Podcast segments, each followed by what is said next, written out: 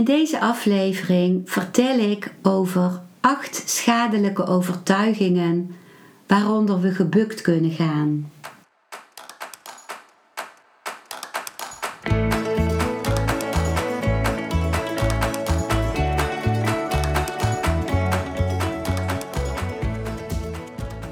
Welkom bij een nieuwe aflevering van Modita's podcast Van Pijn naar Zijn. De podcast waarin ik je meeneem voorbij de pijn in je leven naar wie je diep van binnen bent. Hoe kun je beter omgaan met je gevoelens? Hoe vind je rust in je hoofd? Wat zit er precies achter je pijn? En vooral, hoe kun je steeds meer jezelf zijn? Adem eens diep in en uit. Ik wens je veel luisterplezier.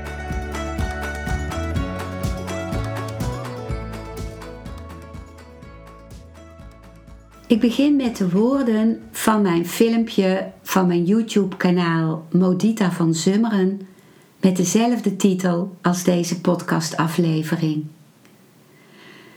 Dus hier komen de woorden van mijn filmpje. Schadelijke overtuigingen beperken je. Beperken jouw levensstroom en beperken je bewegingsvrijheid en beperken ook het nieuwe wat van moment tot moment kan ontstaan. En ik vind het kostbaar om acht schadelijke levensovertuigingen met jou te delen. De eerste overtuiging is: het leven zou minder traumatisch moeten zijn.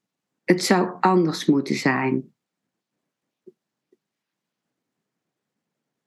En als je die overtuiging hebt, dan blijf je vechten met de situatie zoals die is.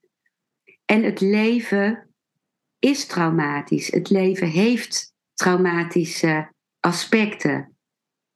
Zowel voor jezelf als van wat je ziet van anderen om je heen en wat jou ook beïnvloedt. Er is overal trauma in je eigen leven en in je leven, in het leven van anderen om je heen. Trauma is alles wat te snel gebeurt, te plotseling en wat te groot is om te kunnen behappen voor het zenuwstelsel op dit moment. Maar waar het om gaat is niet om die prikkel die te sterk was of te snel of te plotseling. Het gaat om je antwoord op die prikkel. En daarom is er ook traumaheling mogelijk. Maar het is meer het zijn met dat wat op je afkomt, met dat ook wat je overweldigt. En dan kijken van hoe kan ik daarin bewegen?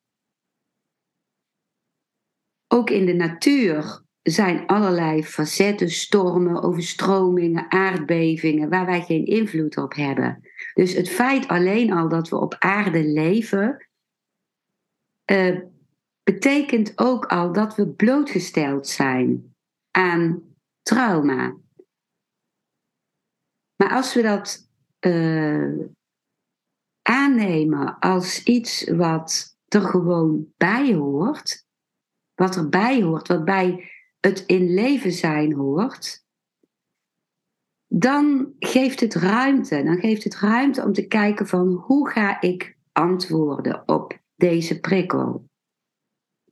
Op zich is de geboorte al traumatisch, want je zat in een hele uh, warme vloeistof. Um, in het donker, afgesloten van uh, de meeste harde geluiden. De hartslag van je moeder was een constante factor die ook veiligheid gaf. En dan word je eruit geperst. Je weet totaal niet waar je in terecht komt. Het voelt als een, een dood voor dat kind. De schedel wordt helemaal samengeperst.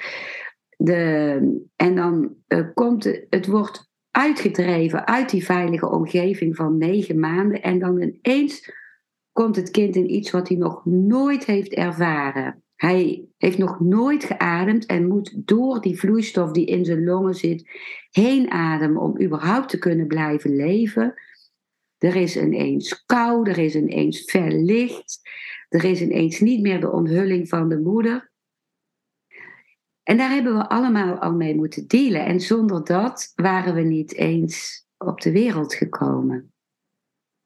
Dus de overtuiging dat je leven anders moet zijn, of dat je andere ouders had moeten hebben, of dat je in een ander land geboren had moeten worden, is uh, irreëel. Het is niet zijn met wat er is.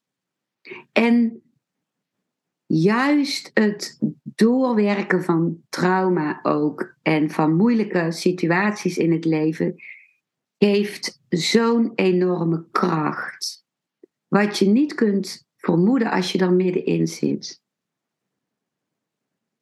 Dus dat was de eerste overtuiging die schadelijk is.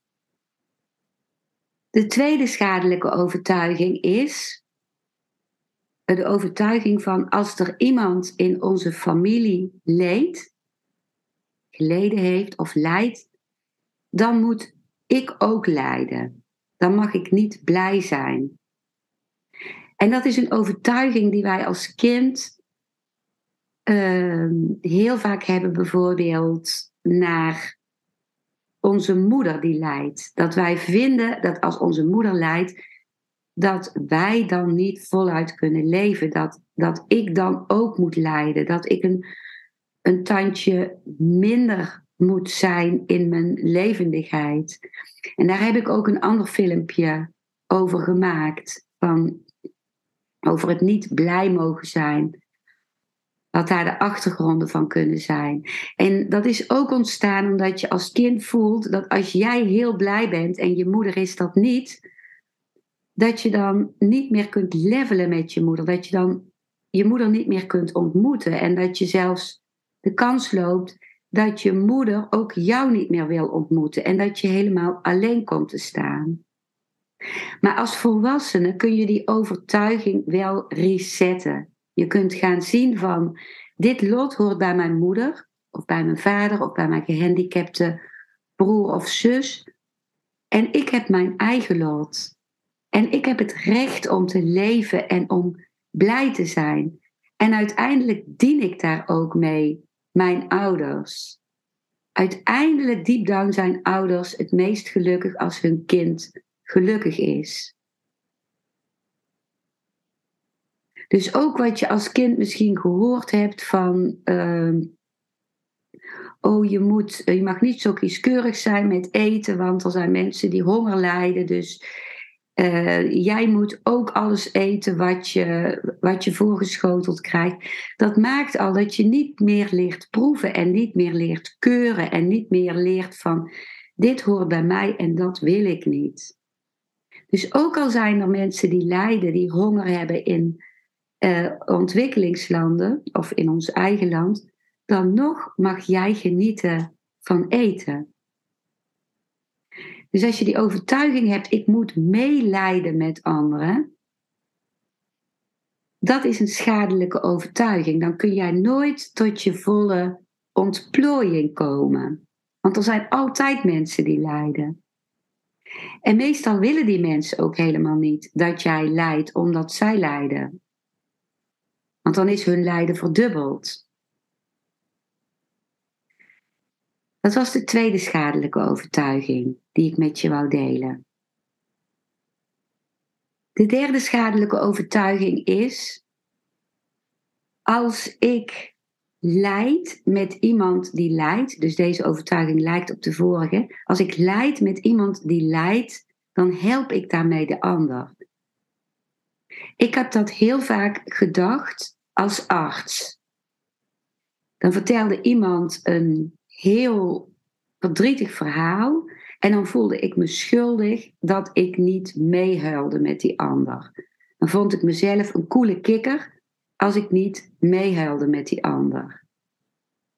Maar nu zie ik dat dat een verkeerde overtuiging is. Als ik mee zou gaan huilen met mijn uh, patiënt, dan zou ik er niet meer kunnen zijn. Dan zou ik niet meer een, een aanwezigheid kunnen zijn die er is voor de ander, zonder mee te gaan in de emotie. En dan kan ik nog steeds empathisch zijn. Dan kan ik nog steeds mijn hart openen. En uh, naar die ander luisteren. En uh, met die ander meeleven. Maar dat is iets anders als meelijden. Als ik mee ga lijden, dan is het meestal dat door het verdriet van de ander, of door de pijn van de ander, of de boosheid van de ander, mijn eigen pijn, verdriet, boosheid geraakt worden. En dat ik daarom dan ook die emotie ga voelen. Dus dan ben ik in feite met mezelf bezig. En niet meer met die ander. Of dan vervloei ik met die ander. En als je met iemand vervloeit, dan kun je die ander niet meer echt zien. Want dan ben je één, dan heb je niet meer de afstand die nodig is om de ander te kunnen zien. En ook dan weer is het het loslaten van het schuldgevoel dat jij je mogelijk goed voelt, goed in je lijf voelt, goed in je leven voelt staan. En die ander heeft op dat moment verdriet. Maar verdriet is niet iets slechts. Ook dat is iets goeds als je het helemaal doorleeft. Ik had er heel veel aan. Ik had uh, de week voordat ik dit filmpje opneem, het eerste blok van mijn tweede opleidingsjaar van Somatic Experiencing, van traumaheling. En daar oefenden we met elkaar en daar kwamen hele heftige ongelukken uh, uh, naar boven, wat anderen met mij deelden. En ik leerde technieken om daar omheen te werken. Maar toen ik s'nachts in bed lag, toen kwamen al die beelden naar mij toe. En toen wilde ik me helemaal inleven in zo'n beeld, om, omdat ik zelf wilde voelen ook hoe het moest zijn om zoiets mee te maken. Ik dacht dat dat hoorde bij, um, bij heel goed in kunnen leven. En toen zei mijn uh, opleidster van er is overal leed en ellende om je heen. Ook als je in de, in de kranten kijkt, als je naar de televisie kijkt. En dat is niet zo dat je daar allemaal uh, in hoeft te gaan. Want je kunt dan zelf niet eens meer voor iemand aanwezig zijn en blijven staan en daar zijn. Dus dat uh, impliceerde voor mij dat ik ook moet zorgen dat als ik uh, traumabegeleiding geef, en dat doe ik ook, dat ik niet zelf in de rode vortex kom, in de rode spiraal, waar we vaak ingezogen worden bij een heel um, dramatisch iets, maar dat ik zelf in het blauw moet blijven. Het blauw van de kalmte en de rust. En daar ook steeds de cliënt weer mee in contact uh, moet brengen. Dat heb ik extra ervaren. Dus daarmee zag ik ook dat wat ik als arts wilde doen, van meehuilen met de mensen of uh, mee in de verontwaardiging gaan, dat dat niet de juiste houding is. En dat geldt ook voor als je kinderen met iets zitten wat hen overspoelt. Het helpt hen niet als je daarin meegaat, als je meegaat in de woede of de verontwaardiging of het diepe verdriet. Je helpt hen juist als je in jezelf gecenterd blijft. Als je je eigen hulpbronnen aanboort en dan aanwezig kunt zijn om naast je kind te staan en niet om het voor je kind op te gaan lossen, want dat geeft je kind geen kracht en niet de waardigheid die het nodig heeft. En daarmee bedoel ik niet dat er ook niet situaties zijn waarin je je kind kunt helpen met iets. Maar dat is iets anders als het overnemen voor je kind. De vierde schadelijke overtuiging is: als we een cruciale fout maken, moeten we schuldig blijven. In feite uh, heb je een schuld als je een cruciale fout maakt. En dan is het zaak om daar de verantwoordelijkheid voor te dragen, voor jouw daad en voor de consequenties daarvan.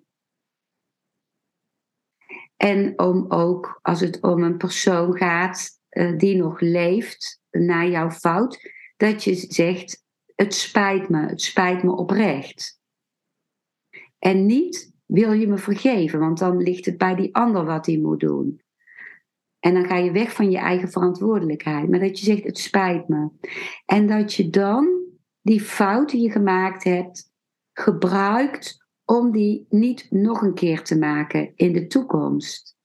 En om dat wat je gedaan hebt aan fout, om daar iets, uh, iets moois van te maken, om daar uh, iets uit voor te laten vloeien dat anderen dient of dat de wereld dient.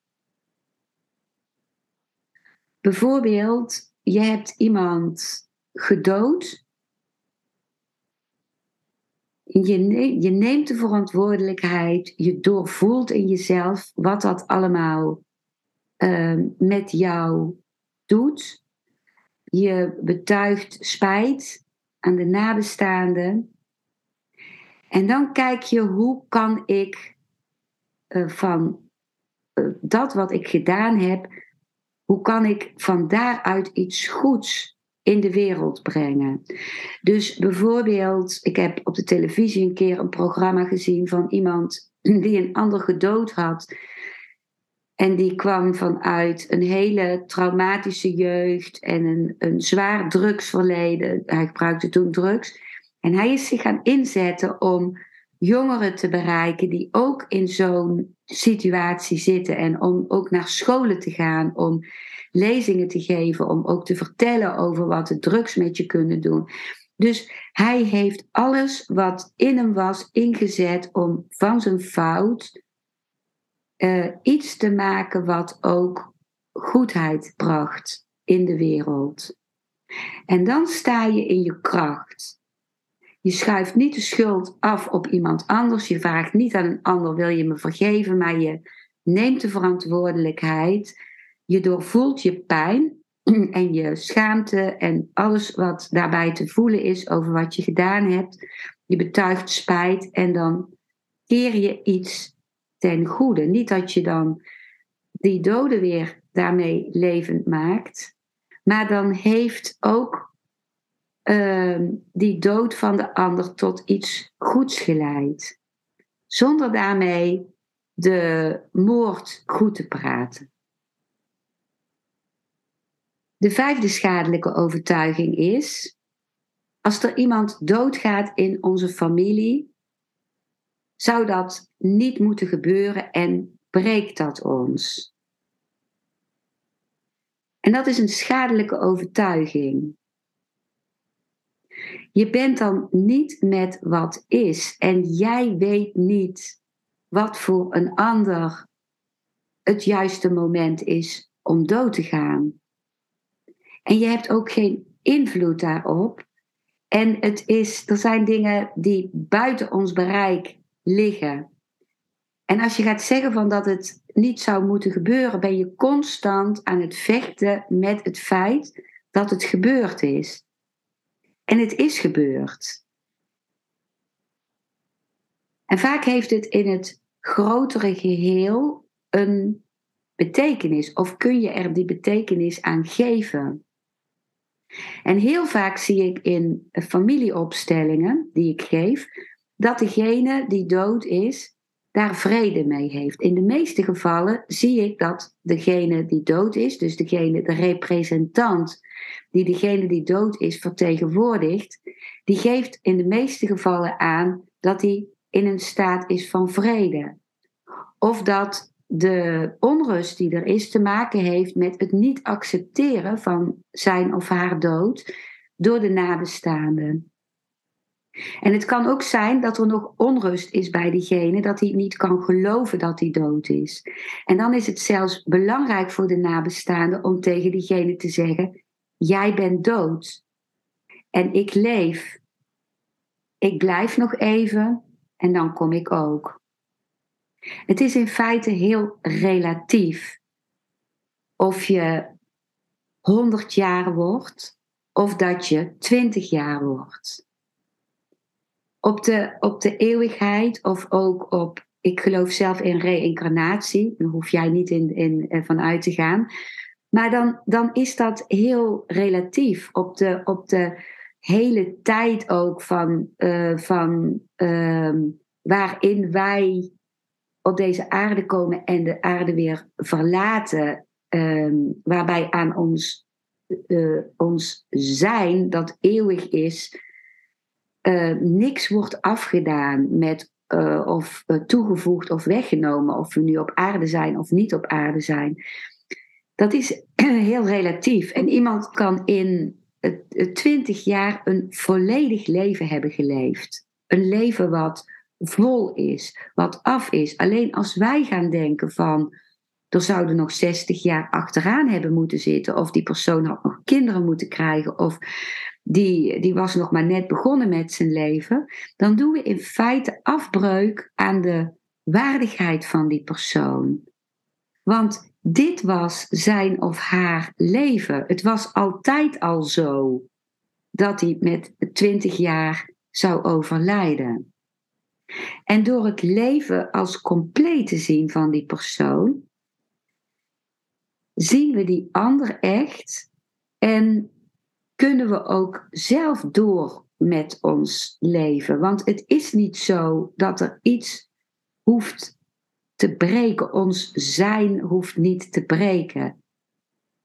Ons zijn is er ook zonder die andere persoon. En was er misschien al voordat die andere persoon geboren werd.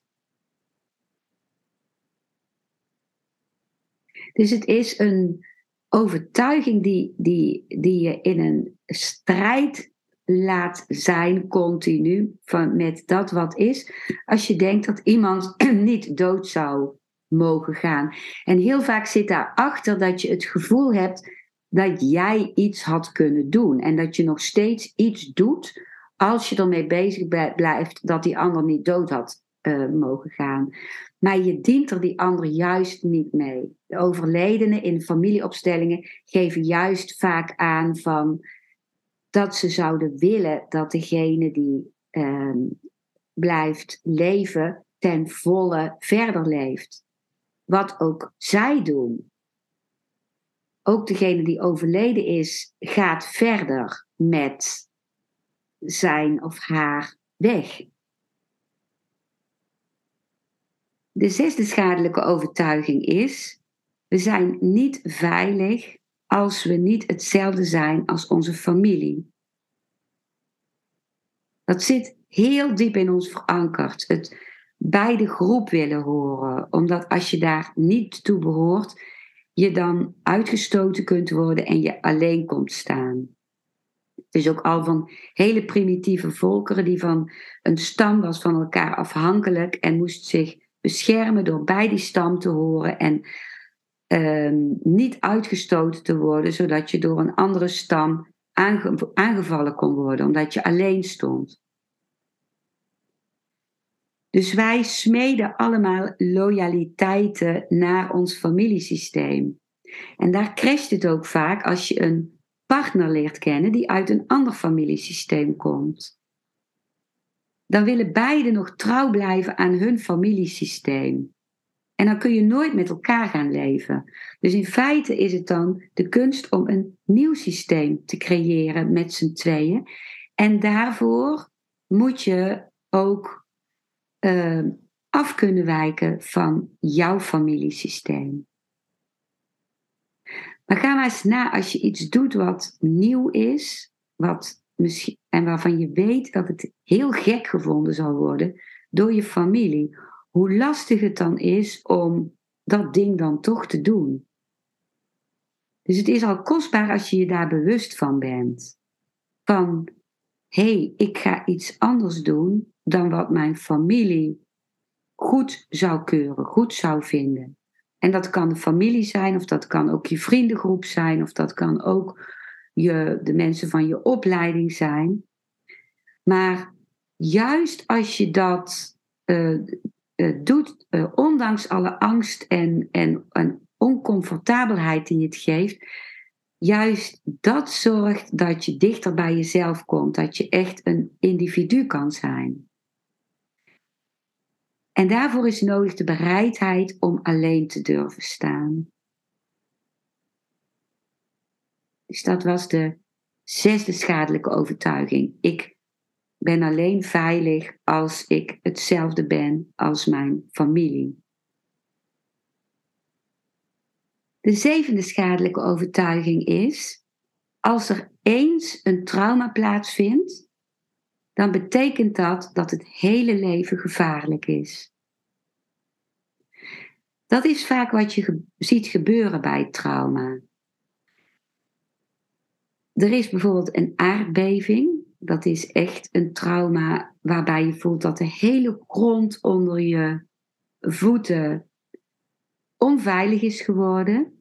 En in feite is het een, een prikkel die kan leiden tot trauma. Trauma is het pas als je, dat hangt af van de respons die je erop hebt. Van of het in jezelf vastgezet wordt. Als je bijvoorbeeld na een aardbeving helemaal kunt ontladen, als je kunt gaan trillen, als je uh, bijvoorbeeld kunt schreeuwen, als je weer uh, meteen iets kunt doen om het puin te gaan ruimen, waardoor wat zich in je spieren vast zou willen zetten, waardoor je dat omzet in actie, dan ontstaat er geen posttraumatische stress.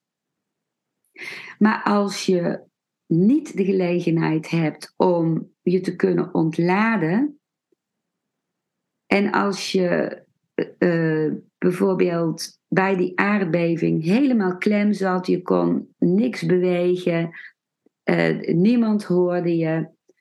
Dus als je in een soort bevroren toestand terecht bent gekomen, dan zet dat trauma zich vast in je zenuwstelsel. En dan bevriest dat ook in de tijd.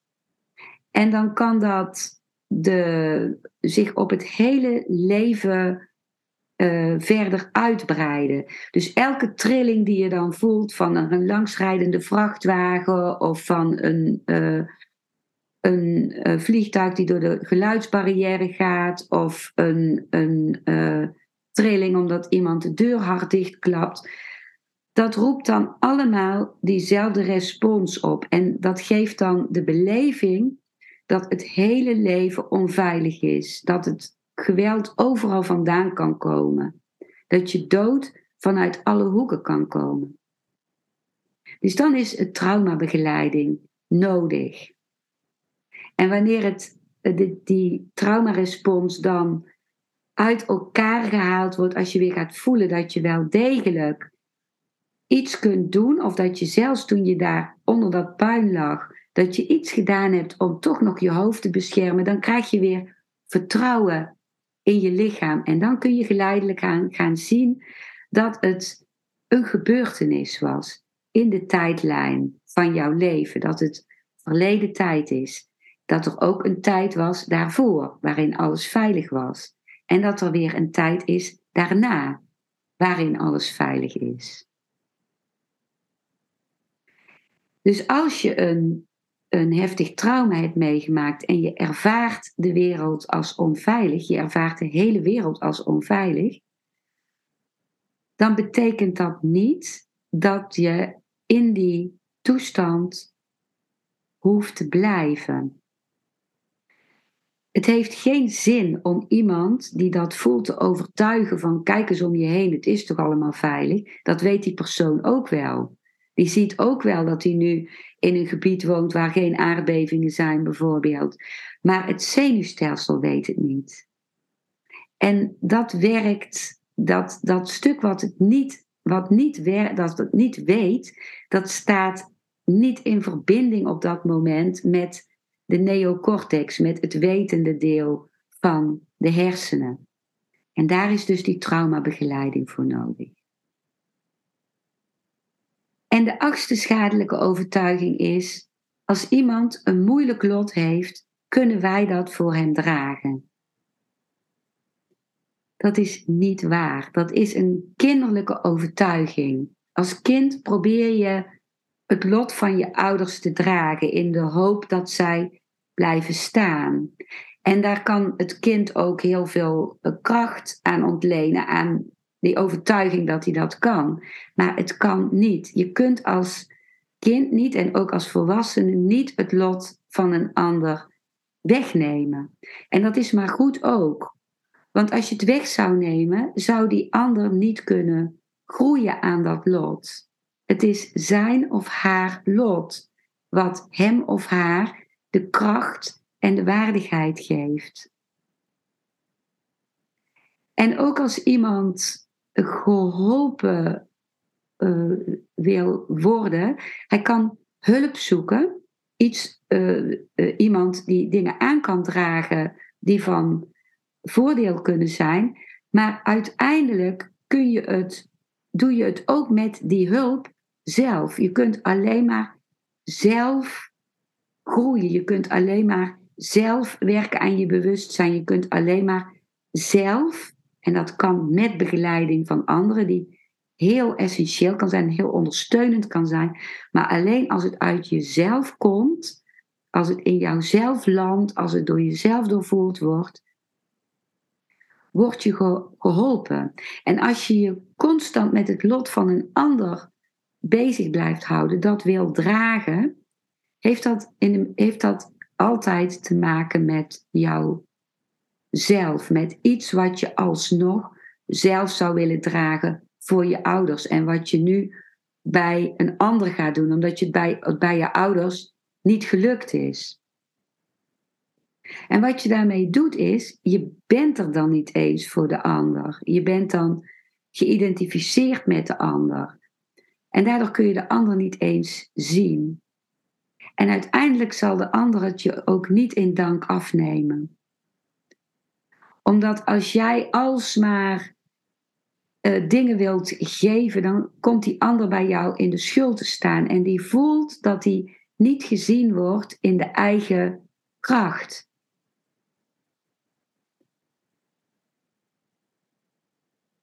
Dat is ook wat ik in familieopstellingen zie. Dan zie ik ook dat uh, uh, mensen die opgesteld zijn voor de ouders, dat die steeds maar naar hun kind blijven gaan, in plaats van naar hun eigen lot te kijken. En het kind probeert daarvan weg te komen. Die voelt dat hij dat niet kan. En uiteindelijk kan het kind zich dan ontspannen als de ouder naar het eigen lot kijkt, het eigen lot aankijkt dan is het kind veilig. Dit waren de woorden van mijn filmpje. Wat mij helpt is om de schadelijke overtuigingen in de eerste plaats gade te slaan. Dan ontstaat er een afstand tussen mij en de schadelijke overtuigingen. En weet ik voel ik diep van binnenuit dat ik die overtuigingen niet ben. Ik deel nu woorden van de Oosterse mysticus Osho, die gaan over het contact maken met de getuige in jezelf, met degene die waarneemt. Het bewustzijn dat je bent zelf. En deze woorden staan ook in het boek Osho Meditatiehandboek Vrij zijn in het hier en nu. Iemand vraagt aan Osho: U zegt ons voortdurend bewust te zijn, getuige te zijn. Maar kan een observerend bewustzijn ook echt zingen, echt dansen en van het leven genieten? Is een getuige niet alleen toeschouwer in het leven? Neemt hij ooit echt deel? Osho antwoordt dan: Je denken zal deze vraag vroeg of laat stellen. Want het denken is doodsbang dat jij getuige, de witness, wordt. Waarom is het denken er zo bang voor dat jij getuige wordt? omdat getuige worden het einde van het denken betekent. Het denken is een actievoerder. Het wil dingen doen. Getuige zijn is een toestand van niet doen. Het denken vreest, als ik getuige word, ben ik overbodig. En in zekere zin heeft het gelijk. Als de getuige in je eenmaal op het toneel is verschenen, moet het denken wijken. Net zoals de duisternis moet wijken zodra je licht maakt in je kamer. Dat is onvermijdelijk. Het denken kan alleen bestaan bij de gratie van jouw diepe slaap. Want het denken is een droomtoestand. En dromen kunnen alleen in je slaap bestaan. Door getuige te worden ben je niet meer in slaap. Je bent wakker. Je wordt gewaarzijn. Zo kristalhelder. Zo jong en fris. Zo vitaal en krachtig. Je wordt een vlam. Zo intens alsof je van twee kanten brandt. In die intense gloed van licht, van bewustzijn, sterft het denken, pleegt het denken zelfmoord. Daarom is het denken zo bang en zal het je allerlei problemen bezorgen. Het zal talloze vragen oproepen. Het zal je doen aarzelen om de sprong in het onbekende te wagen. Het zal proberen je tegen te houden. Het zal je trachten te overreden. Bij mij vind je veiligheid, zekerheid. Bij mij leef je beschermd, geborgen. Ik zal voor je zorgen. Bij mij ben je efficiënt, bekwaam. Zodra je mij verlaat, laat je al je kennis achter je en moet je je zekerheden, je garanties achterlaten. Je moet je panzer laten vallen en het onbekende binnengaan. Je neemt nodeloos risico's zonder enige reden. Het denken zal proberen prachtige rationalisaties aan te dragen. En dit is een van de rationalisaties die bijna altijd bij iedereen die mediteert de kop opsteekt. Die vraag komt niet van jou. Je denken, je vijand, stelt deze vraag via jou.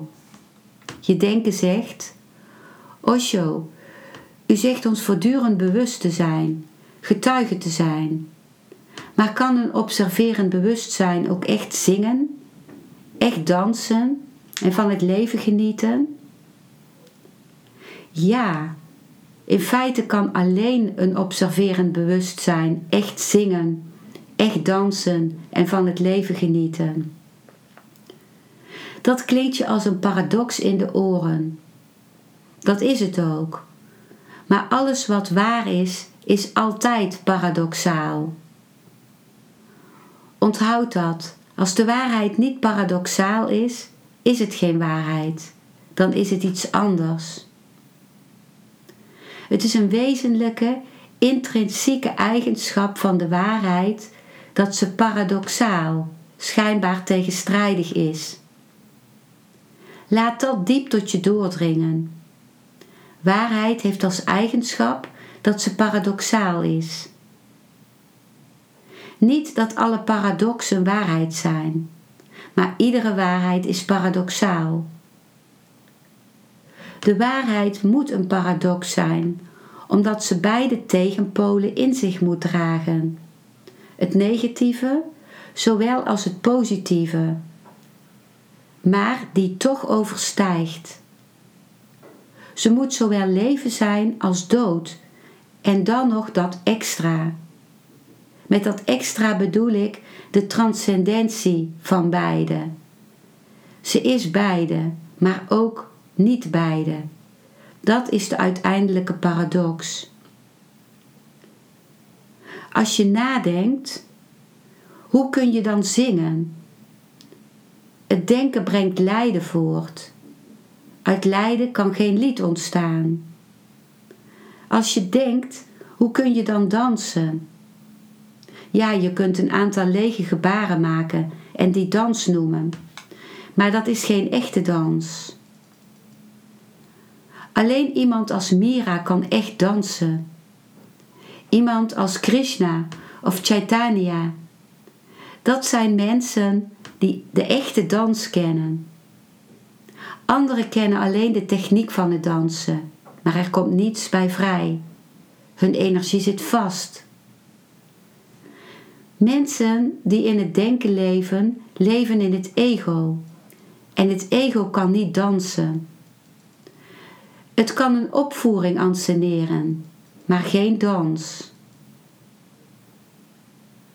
De ware dans ontstaat alleen als je getuige bent geworden. Dan ben je zo vol verrukking dat die verrukking over je heen golft. Dat is de dans. Die verrukking begint een lied te zingen. Een lied dat spontaan opwelt. En alleen als je getuige bent, kun je van het leven genieten.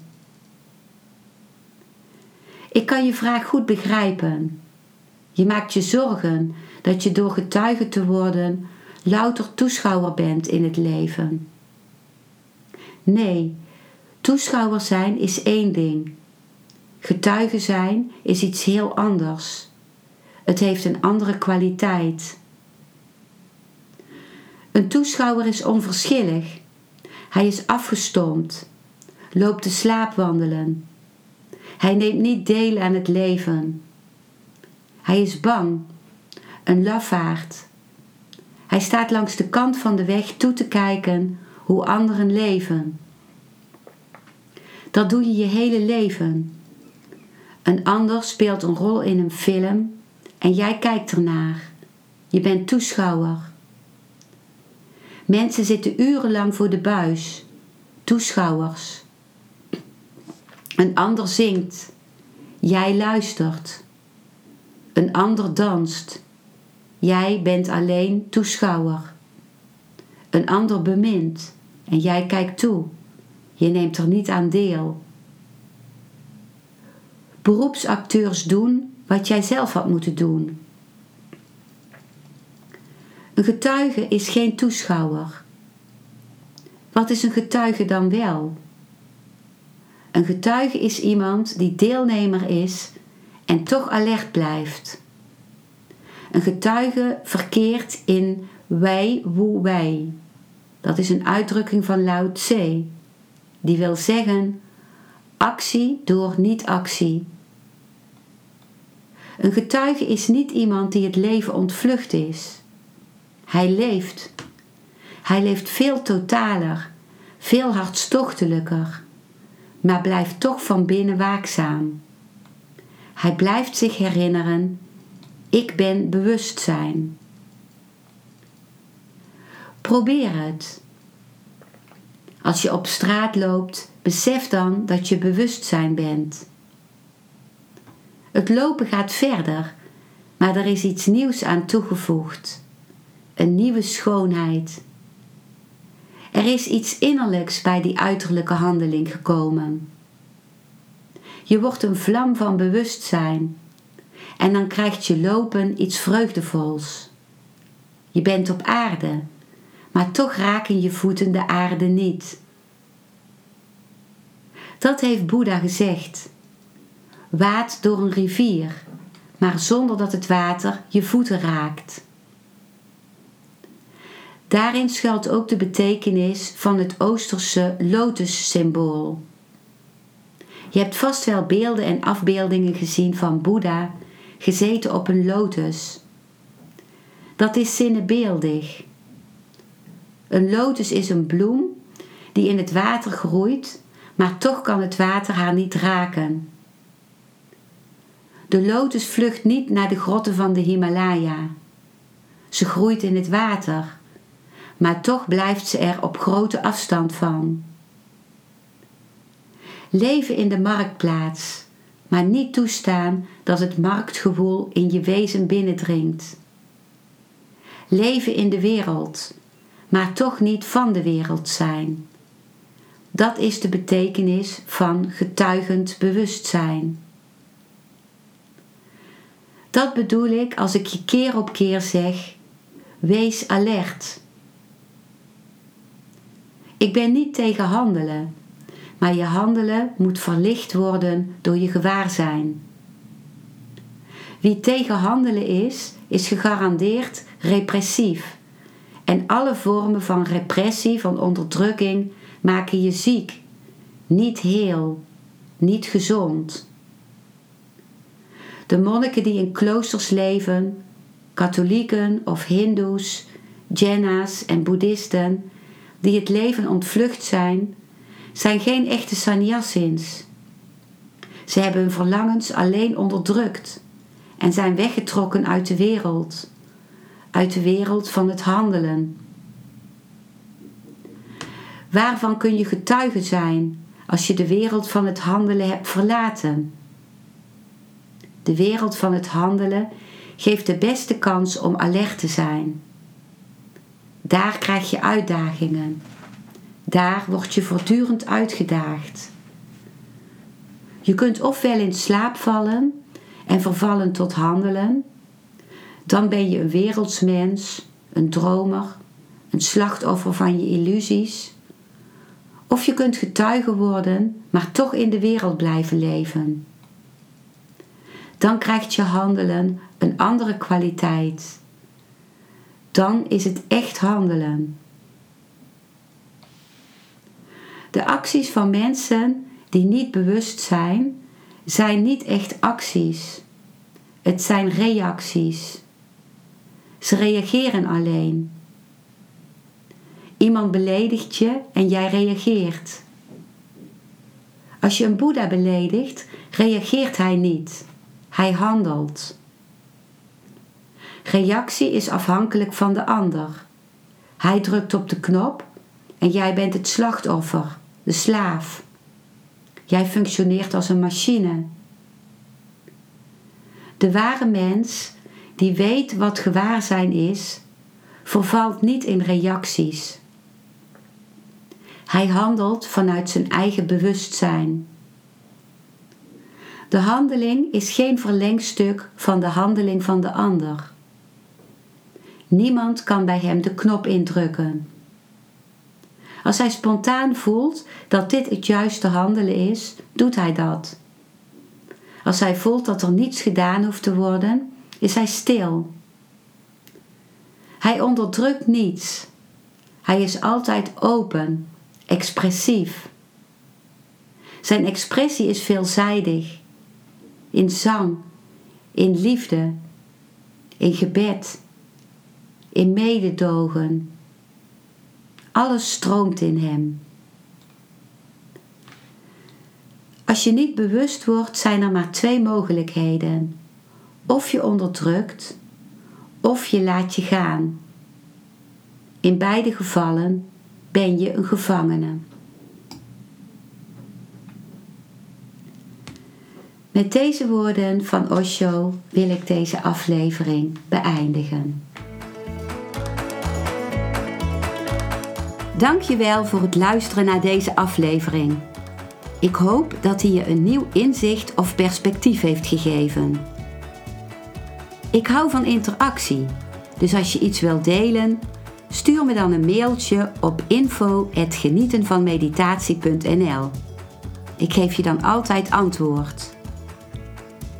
Ik wens jou dat je vreugde in het dagelijks leven zult ervaren en innerlijke rust en dat je steeds meer je pijn zult kunnen omvormen in zijn. Je kunt de afleveringen van deze podcast volgen via Spotify, Google Podcast, Apple Podcast en Podbean door op de volg- of abonneerknop te klikken. Als je luistert via de Apple Podcast, dat kan alleen als je een iPhone hebt, heb je een extra voordeel omdat als je op de knop abonneren klikt, je steeds een berichtje op je mobiele telefoon ontvangt als er weer een volgende aflevering van mijn podcast verschijnt. Je bent van harte welkom bij die volgende aflevering.